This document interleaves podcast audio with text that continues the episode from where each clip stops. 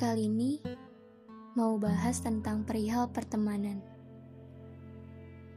Mulai sekarang, kita hargain temen ya. Kita jangan pernah ngomongin kejelekan teman di belakang kita. Karena teman kita juga punya telinga. Kita udah besar, udah dewasa. Kamu tahu diri mana yang baik, mana yang buruk. Menjelekkan seseorang ke orang lain gak akan mengubah pandangan orang pintar untuk menilai seseorang. Semisal ada yang kehasut sama omongan kamu, berarti mereka udah kamu bodohin dan gak bisa menilai orang dengan baik. Kamu kenapa sih sebenarnya? Takut kalah saing, karena teman kamu lebih baik dari kamu. Wake up sayang.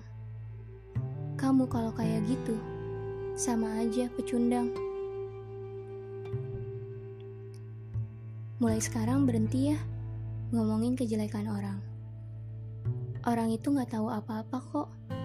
Tiba-tiba sekitar jadi membencinya. Menatapnya dengan tatapan sinis. Kamu ngomong apa sih sebenarnya?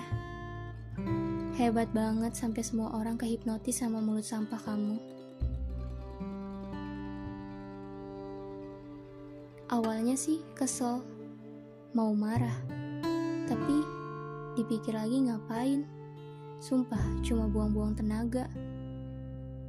Yang pasti cuma bisa sabar aja.